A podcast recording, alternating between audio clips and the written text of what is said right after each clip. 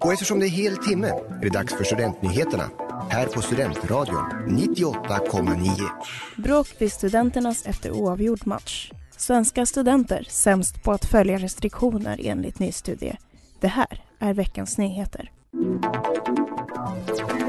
I söndags blev det match för allsvenskan mellan Sirius och AIK på studenternas IP.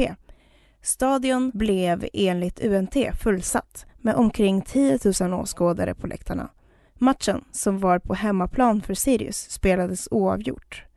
Under matchen var spänningen hög och cirka 100 bengaler brändes av supportrar från båda lagen. Magnus Jansson Klarin, pressperson vid Polisregion Mitt, berättar för UNT att det innebär brott mot ordningslagen. Genom videoupptagningar ska vi försöka spåra de som satte eld på bengalerna, menar han. Efter matchen blev det bråk mellan anhängarna vid studenternas IP och i närheten.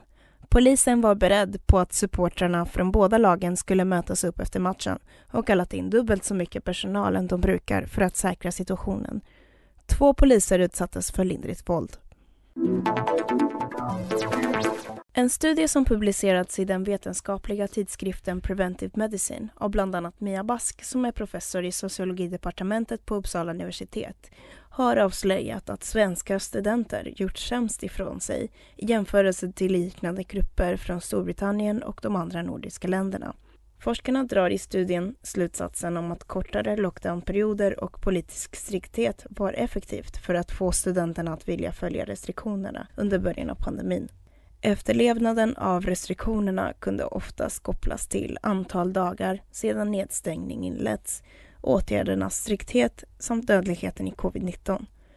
Ett lika tydligt samband fanns det inte mellan andelen som insjuknat i covid och efterlevnaden av restriktioner. Professor Mia Bask berättar för Uppsala universitet att även om svenska studenter inte följde rekommendationer lika noggrant som studenter i andra länder var deras oro över att bli smittad på samma nivå som genomsnitt av länderna. Svenska studenter var efter Storbritannien de som i störst omfattning tyckte att myndigheterna inte kom med information om smittan i tid.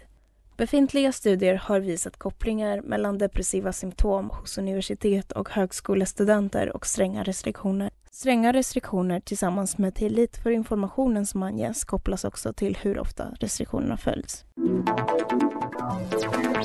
Veckans nyheter i Studentradion 98,9 producerades av mig, Jessica Fernandez och Rut Bruse.